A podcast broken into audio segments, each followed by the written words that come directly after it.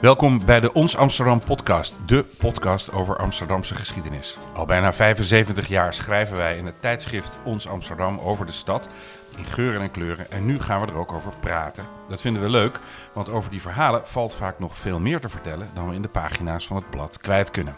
Vandaag praat ik met Sheng Scheijen, die in ons decembernummer een geweldig stuk schreef over de etalages van de Bijenkorf. Niet zomaar de etalages van de Bijenkorf, als de Bijenkorf in de jaren 50 een nieuwe etalage inrichtte, dan stonden Amsterdammers en dagjesmensen te wachten tot het doek werd opgehaald. En de man die dat etaleren tot een ware kunstvorm verhief was Benno Premzela. Uh, dames en heren, u kent Sheng Schei misschien nog niet, maar hij is eigenlijk slavist. Uh, en hij schreef twee grote boeken over Russische cultuur, over de impresario Diaghilev en de kunstenaars Tatlin en Malevich. De avant-gardisten heette het laatste boek. Hij kreeg er de Boekspot Literatuurprijs voor in 2019.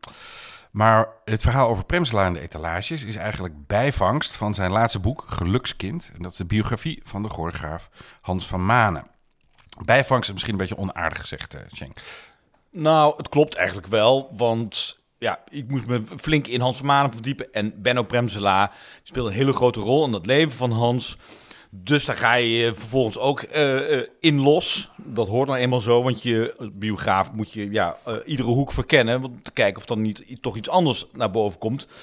En, uh, en dat was helemaal geen straf, want in het geval van Premsela kwam daar geweldig veel interessants uh, naar boven. Ja, want hoe zag hun relatie eruit dan oorspronkelijk? Premsela was de mentor van Hans van Manen, kun je zeggen. Dus Hans kwam uit een uh, heel verarmd uh, gezin.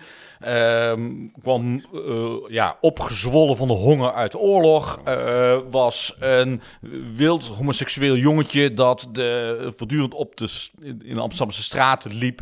En die werd door Premsela, zou je kunnen zeggen, opgevangen. En Premsela ontwikkelde zich tot zijn intellectuele en ook wel emotionele mentor. En ja, die heeft om die reden een hele grote rol gespeeld. Want Hans heeft maar tot zijn tiende onderwijs genoten. Dus tot zijn tiende levensjaar. Hè, zelfs de lagere school niet afgemaakt. En ja, daar, daar was nog wel wat te winnen, kortom. En Premsela was een intellectueel. En die heeft nou ja, uh, Hans dus uh, op de kunstgeschiedenis gebracht. Uh, het hele Amsterdamse kunstwereld laten kennen. Dus er was al een heel groot sociaal element bij. En wat uit jouw boek, Dat Gelukskind, naar voren komt... is dat Premsluim van Manen zich in een, in een hele grote kring van kunstenaars bevonden. Van he, verschillend allooi ook, hè. Wim Sonneveld. De, en je denkt wel eens dat de jaren 50 in Nederland heel erg braaf en saai waren. De wederopbouwjaren, de bruinzeelkeuken, dat soort dingen. Maar uh, bevond zich dus echt in een, laten we zeggen, een heel dynamische en, en ook vrij hoogstaande wereld, als ik het goed begrijp. Helemaal. En je kunt wel zien dat de jaren 50 die vormen gewoon de, zeg dat, de humuslaag, naar een metafoor, voor wat er in de jaren 60 gebeurt. Dus uh, heel veel van de mensen die in de jaren 60 heel belangrijk worden, die, die vinden elkaar dan al. En het is inderdaad een hele hechte sociale wereld. En Premsela vormde daar de nucleus van, dus het centrum. En hij had daar zelfs een wonderlijke methode voor. Het was altijd vreselijk druk. En hij had natuurlijk zelf een, uh, een serieus bedrijf. Daar komen we zeker nog op te spreken. Maar om um, aan te geven dat het huis open was, hè, zodat mensen binnen konden komen en mee konden eten of mee konden lunchen, dan had hij een bepaald soort lamp buiten staan, de eerste verdieping, en die stond dan aan. En als die lamp aanstond, dan wist iedereen die dat toe deed, oh, het huis is open en we kunnen binnenkomen en uh, mee eten of uh, gezellig bijzitten. En die lamp stond vaak aan. Dus dat huis van Premsela, dat was ja, een plek waar um, ja, de hele nieuwe wereld van na de oorlog, want Premsela was een oorlogsoverlever en Hans in zekere zin natuurlijk ook, alleen van een hele andere kant, die kwamen er allemaal samen. En daar is de, nou ja, de Nederlandse avant-garde uh, is in dat huis geboren, zou je ja, kunnen het zeggen. Het huis was aan de Keizersgracht vlak bij de Leidse straat. Ja, dat was natuurlijk een, een centrale plek waar iedereen uh, ja, elkaar vond. Ja, Even nog terzijde is dat, dat uh, behalve dan dat hij dus ontwerper en zoals jij noemt cultuurpaus of kunstpaus was, was hij ook een voorvechter van homorechten. Hij was een van de eerste mensen die openlijk op de tv voor zijn homoseksualiteit uitkwam. Ja. En hij was geloof ik voorzitter van het COC uh, tien jaar lang. Zeker. En uh, oh ja, daar heeft hij dus ook een, een cruciale rol gespeeld. Uh, want direct na de oorlog, um, ja, uh, kwam Nederland eigenlijk direct weer in zijn conservatieve reflexen. En ehm, toen zag je heel even dat, dat, was, dat heette eerst nog anders de COC, dat heette het, het Shakespeare-genootschap, als ik het wel heb. Die probeerde heel even uh, een, plek voor zichzelf te krijgen en uh, iets meer vrijheden te organiseren. Dat werd eigenlijk onmiddellijk neergeslagen. En toen Premsela ja, zich daar echt mee ging bemoeien, toen veranderde dat. En dat had ermee te maken dat die Premsela een geweldig soort diplomaat was. Het was een, uh, een ontzettend beschaafde man. Zo'n type die als het ware in een driedelig pak geboren is. Uh, die altijd ja, ontzettend verzorgd uh, sprak. Hij was een knappe, statige man. was een serieuze man. Hij had een bedrijf, hij was een architect. Hij had grote, serieuze opdrachtgevers. En deze man, die ging met iedereen praten en zei dan ik ben homoseksueel. En ik zou het leuk vinden als jullie me gewoon benaderden en dan niet moeilijk over deden. En dat ik dezelfde vrijheden zou hebben als jullie. En omdat hij dat op zo'n volkomen neutrale, ja, vanzelfsprekende manier deed. Uh, brak hij door muren heen. En ja, hij is inderdaad de eerste geweest, of bijna de eerste, die op televisie daarover sprak. Uh, van het Reven was nog wat eerder zelfs. Maar ja, dat was een schrijver. je kunt je voorstellen dat vanuit de burgerlijke samenleving in Nederland, ja, schrijvers, oké, die, die, dat, dat zijn altijd uh, rare, rare figuren. Maar Premzela, weet je wel, dat was een serieuze man. Die werkte voor de Bijenkorf. Nou, daar gaan we het hier over hebben. Kortom, dat had ontzettend veel impact. En hij, en hij deed dat ja, uh, ontzettend goed. En daardoor, dat dat soort mensen, natuurlijk niet hij niet alleen, ging Nederland ineens voorop lopen in, in die emancipatie. Dat was niet per se ik wil zeggen, dat, dat lag niet echt voor de hand. Um, laten we dan ook even kijken naar de Bijenkorf. Maar voordat ik dat zeg, wat maakte Bremselaar zelf eigenlijk? Wat, wat was hij, wat, dat is voor een podcast misschien lastig, maar wat voor ontwerpen uh, leven nog van hem voort? Weet je er iets van? Hij, hij was uh, een binnenhuisarchitect. Dat was eigenlijk een nieuw soort beroep. Hij was uh, min of meer opgeleid als, als architect. is zich toen als in de binnenhuisarchitectuur gaan specialiseren en werd ook vormgever van uh, ja, lampen, vazen, uh, noem het maar op. En uh, dat, die, die Premselaar, de vormgever, wordt voor mijn gevoel iets te veel opzij geschoven. Hè? Dus ehm, de biografie die er over hem bestaat, die gaat heel sterk over Premselaar als voorvechter van homorechten. Ehm, als je veel over Premsla hoort, gaat het eigenlijk inderdaad altijd over de rol die ik net noemde. Hij als centrale figuur in een nucleus van een groep van kunstenaars. Maar hij was zelf ook een behoorlijk goede vormgever. En in ieder geval een heel vooruitstrevende vormgever. Die met zijn vormgeving duidelijk ook een bepaald soort richting aangaf. En ja, wat we nu Dutch design noemen, dat komt toch voor een heel erg groot deel uit die ieder geval die ideeën van Premsela. Dus uh, ja, ook de vormgeving van, vormgeving van Premsela verdient meer uh, aandacht, vind ik. Ja, want uh, een aantal mensen die je in het artikel noemt, zoals Gijs Bakker en Emmy van Leersum, die zijn dan mensen die eind jaren 60 furoren maken als de, de, voorlopers van extreem nieuw design en de tentoonstelling in het stedelijk hebben. Ook dat zijn eigenlijk pupillen van Premsela in de jaren 50 heel sterk. En uh, Gijs Bakker, die zal daar ook uh, zonder enige terughoudendheid dit erkennen. Hè, dat uh, uh, ja, ook voor, voor hem heeft Premsela een enorm grote rol gespeeld. In het geval van, van Gijs was het dan dat hij een jongetje uit de provincie was, die bleu was. Hè, en Premsela zag zoiets in die mensen en ja, trok ze dan naar het centrum toe, als het ware. En deed ze nou ja, boven zichzelf uitstijgen. Oké, nou dan hebben we nu zeg maar de acteur en de acteurs en de bijrollen. En nu gaat het over het podium en dat is uh, de Bijenkorf. Uh, we zitten hier in het Korenmetershuis. De Bijenkorf is hier niet zo ver vandaan. Heeft nog steeds hele blinkende, vrije etalages. Maar in de jaren 50 gebeurde daar dus werkelijk iets bijzonders. Uh, uh, om te beginnen, uh, hoe kan het nou dat dat uitgerekend de Bijenkorf was? Uh, en niet Bekenkloppenburg of CNA. Waarom liep de Bijenkorf daarin voorop? De Bijenkorf had een lange traditie ehm, van, ehm, nou ja, zullen we zeggen, het, het nadenken over het winkelbedrijf. ook vanuit een artistiek oogpunt. Maar ook vanuit soms een soort rol in de samenleving. Dus eh, zelfs al voor de oorlog waren ze een heel vooruitstrevend bedrijf. Dus eh, eh, in Rotterdam lieten ze hun, hun winkel bouwen door Dudok. afgebroken later. Gedeeltelijk gebombardeerd door de Duitsers, maar vooral gewoon afgebroken. Ehm, eh, ja, dat waren schitterende gebouwen. En ook dus in hun inrichting, in hun keuze van materialen, keuze van zelfs van spullen, lieten ze zich heel erg, nou, ze, eh, ze lieten zich inspireren door eh, wat er in de kunstwereld gebeurde. Om allerlei redenen. Ehm, maar dat uitte zich bijvoorbeeld, om nog één voorbeeld te geven over Rotterdam. Daarna gaan we het over Amsterdam hebben.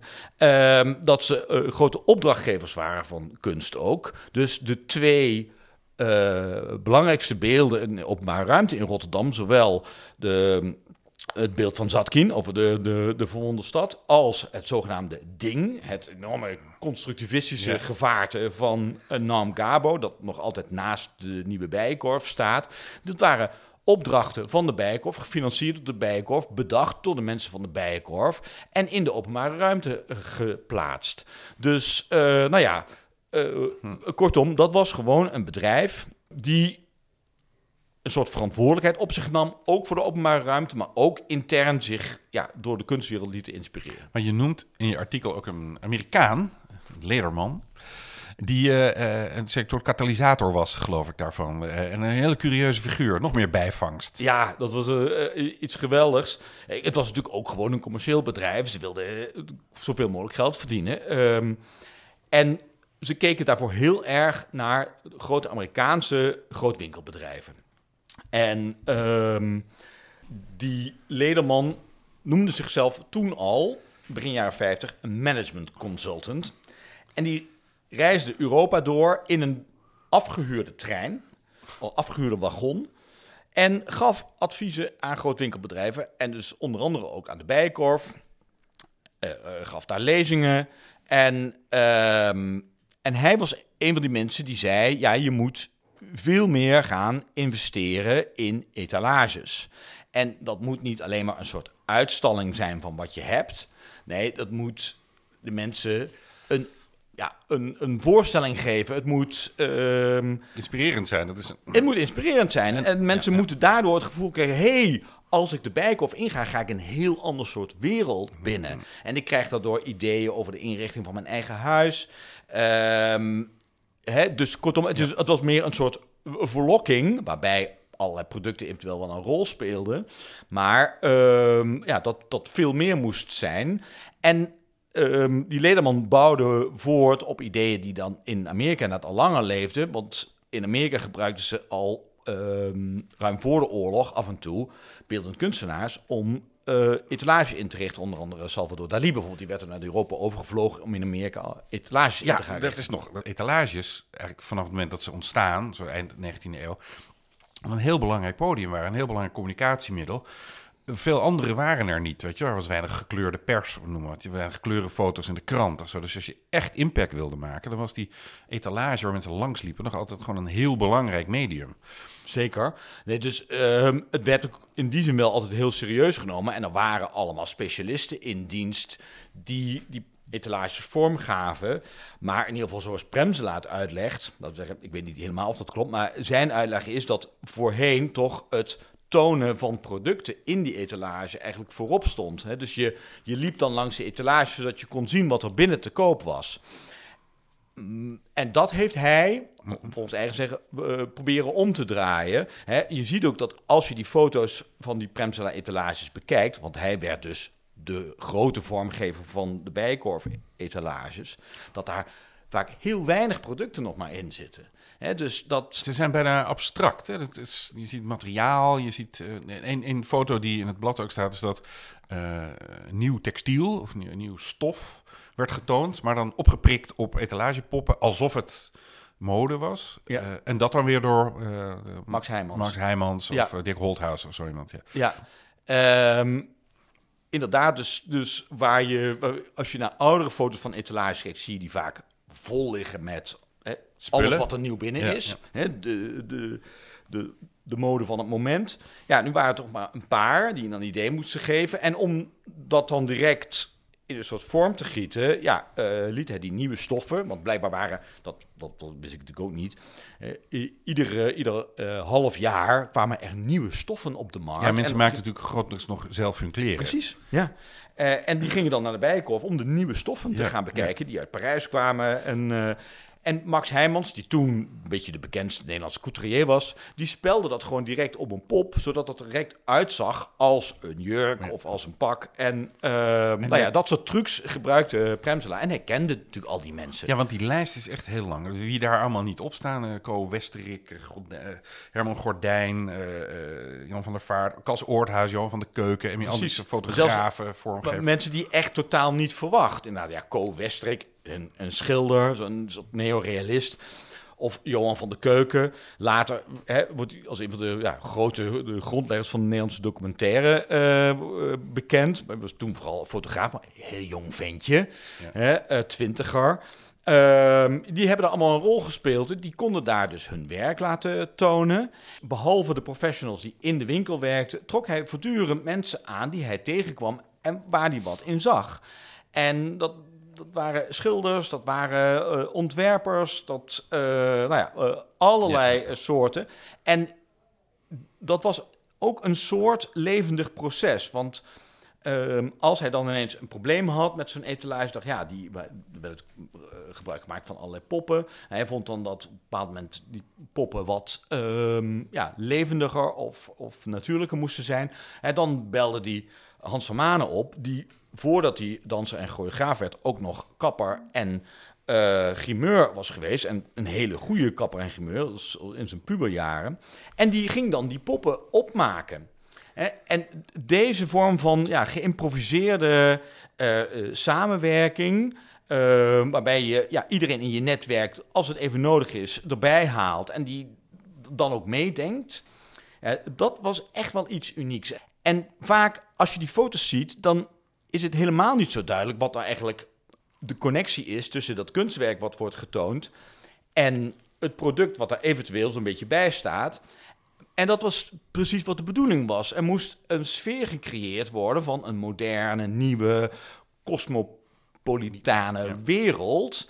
Hè, waar kunst bij hoorde. Ehm, en dan Ja. ging je die wereld van het, ja, het grote genot dat de Bijenkorf was, ging je binnen.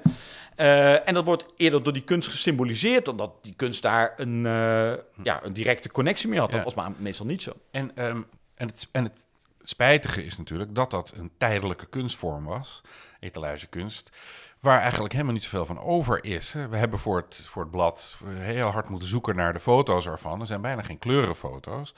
Terwijl er dus, in jouw woorden, echt de belangrijkste, echt revolutionaire presentaties waren. Het waren- revolutionaire presentaties. Maar ja, god, je, ik bedoel, wat ik al zei, je moet natuurlijk niet eh, de, ja. de hele eh, eh, maatschappelijke verandering van Nederland aan, een, aan de Bijenkorf-etalage ophangen. Maar het was een, ja...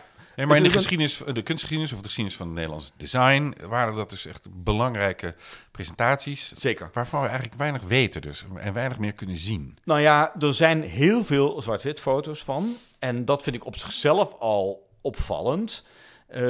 Want je kunt je ook voorstellen dat als er 600 etalages eh, per jaar worden gemaakt... ja, dat ga je niet allemaal fotograferen. Het is natuurlijk lang niet allemaal gefotografeerd... maar er zijn toch wel heel veel foto, eh, foto's, zwart-wit foto's over. Ja, kleurenfoto's waren natuurlijk nog een vrij nieuw fenomeen. Of althans, in ieder geval, dat, dat, eh, dat werd natuurlijk veel minder gedaan. Ehm, maar het, dat er zoveel foto's werden gemaakt, toont wel in ieder geval dat mensen als Premsela en mensen om hem heen het zelf al ook als iets belangrijks zagen. En ehm, eh, we noemen het al misschien, maar dat elke twee weken een nieuwe etalage. Zei je. Dus dat bij elkaar opgeteld kwam je tot 600 etalages. 600 van die kunstwerken, Ja. 600 van die In het voorstellingen. begin geloofde ik dat niet. Ik dacht dat eh, dat, is, dat is veel te veel. Dat, het was uiteindelijk maar een redelijk klein team. Dus Premsela deed het met nog een andere ontwerper en neem ik aan wat, wat inrichters. En om dat dan ja, 600 eh, keer per jaar te doen. Eh, Hans van Manen, met wie ik erover gesproken heb, want die zich dat allemaal heel goed herinneren, hoe die etalages iedere keer werden onthuld. Die zei, nee, dat kan helemaal niet. Zo vaak was het niet. Het was misschien één keer een maand of één keer in twee maanden. Ehm, Maar goed, het was wel zo. Dus ik heb het op allerlei manieren gecontroleerd. Premselaar herhaalt het en ik heb het ook tegen een andere bron gevonden. Het heeft er ook mee te maken dat de Bijenkorf in Amsterdam gewoon heel veel etalages heeft. Hè. En ze hadden er vroeger nog meer dan nu. Er zijn nog wat extra ingangen gekomen, waardoor de etalageruiten zijn gesneuveld. Uh, nog een specifiek detail, dat ook in je artikel staat, is dat het heel erg over het materiaal ging. Dus uh, we zeiden net al dat nieuw textiel werd gewoon opgespeld alsof het mode was, maar het ging om de textiel. En je schrijft ook, bij alles wat hij deed, liet Premselaar gewoon zien wat het was. Ja, dat, dat zie je vooral in. Uh, hij maakt natuurlijk zelf ook een soort ontwikkeling door. Hè? Als hoofdontwerper gaf hij ook heel veel weg, want hij kon lang niet al die 600 etalages allemaal zelf gaan ontwerpen. Maar je ziet door de jaren heen dat hij afstapt van een, ja, een beetje de Amerikaanse voorbeelden die hij duidelijk kende uit tijdschriften of wat hem werd toegestuurd, naar een, ja, een meer persoonlijke stijl uh, die veel rauwer is. En um, waar hij inderdaad de hele tijd gebruik maakt van soms wel gevonden materialen. Um, maar het moest inderdaad allemaal ja, puur materiaalgebruik zijn. En dat gaat hij op een goed moment ook uh, uitbrengen. Dus als hij daarover wordt geïnterviewd, dan zegt hij dat de hele tijd. Dus dat blijkbaar een belangrijk ding voor hem. En ik vond dat interessant en ook, ook heel grappig. Want dat zijn natuurlijk ja, een paar soort dogma's uit het, uh, vroege modernisme. Hè, Dat je um, in je materiaalgebruik zo uh, transparant mogelijk moet zijn. En uh, dat je beton moet laten zien als beton en het niet moet gaan bedekken. En dat je staal gewoon moet laten zien. En, uh, en die modernistische taal gaat hij dan introduceren in die wereld van de reclame. En dat is ook heel curieus, want reclame moet juist niet transparant zijn. Ja, de, de, reclame is laten wel eens een soort chique leugen. Hè? Uh, het, het, moet je iets aansmeren wat je anders niet zou kopen, omdat je het eigenlijk niet nodig hebt. Dat vond ik dus heel interessant, dat hij die, uh, die idealistische ideeën over het modernisme in die reclamewereld ging introduceren.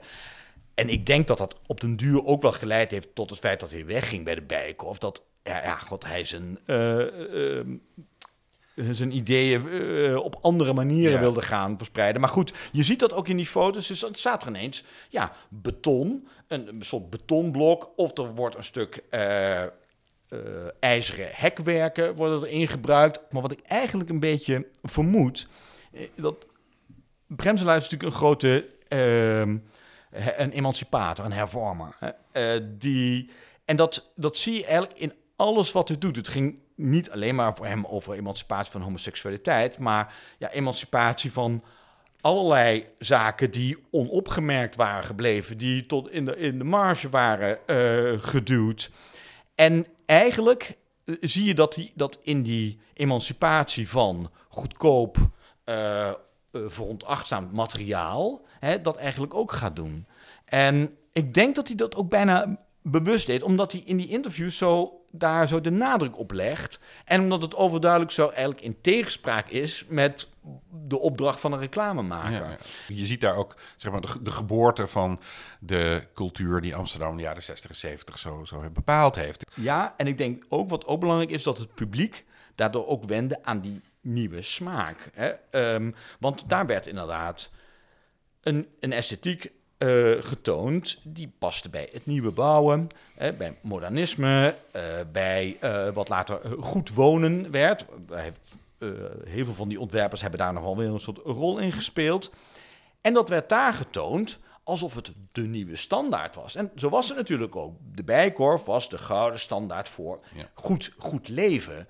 En omdat zij dat zo duidelijk deden en bereid waren om voorop te lopen, ja, is die nieuwe esthetiek heel snel ook naar de, ja, de, de gemiddelde burger, zal maar zeggen, uh, doorgedrongen.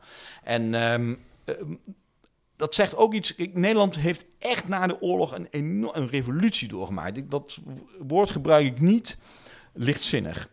Nou, als je um, naar het vooroorlogse Nederland kijkt, dat is zo verschrikkelijk behoudend. En zo eigenlijk achterlijk in heel veel opzichten. Uh, totaal niet wat we nu, uh, hoe we nu naar Nederland kijken, of nu misschien twintig jaar geleden naar Nederland kijken. Het was zeer conservatief, behoudend, uh, tegen het reactionaire aan. En ook heel sterk had het ja, op de gemiddelde smaak, zal maar zeggen, eh, van, van eh, de burger. En dat kantelt om allerlei redenen. Niet alleen vanwege bijenkorf-etalages. Maar het kantelt om heel veel redenen. Maar die bijenkorf-etalages zijn er wel een typisch voorbeeld van. En dan zie je daar ook, waardoor dus niet alleen de kunstenaars veranderen... maar ook de smaak van het publiek zo snel kon veranderen. Ik... Uh ik voel een heel nieuw boek aankomen, ook zeg maar, de oorsprong van Dutch design in de etalages van de Bijenkorf. Uh, luister, als u daar vandaag in de Sinterklaastijd langs loopt en die denkt, gut, wat een bijzonder bedrijf was het. Dat was het ook, dat Bijenkorf. Uh, dankjewel, uh, Sheng. Dit was de Ons Amsterdam podcast. Bedankt voor het luisteren. Het artikel over Benno Premselaar en de etalages van de Bijenkorf kunt u lezen in ons decembernummer. Dat ligt in de winkel en bij de abonnees een deze dagen op de mat. Als u dit soort Amsterdamse verhalen leuk vindt, dan kunt u bijvoorbeeld een abonnement op ons tijdschrift nemen. En dat vindt u op www.onsamsterdam.nl. Deze aflevering maakte ik samen met René Karsten en de muziek werd gemaakt door Sjaak Dauma. Tot de volgende keer.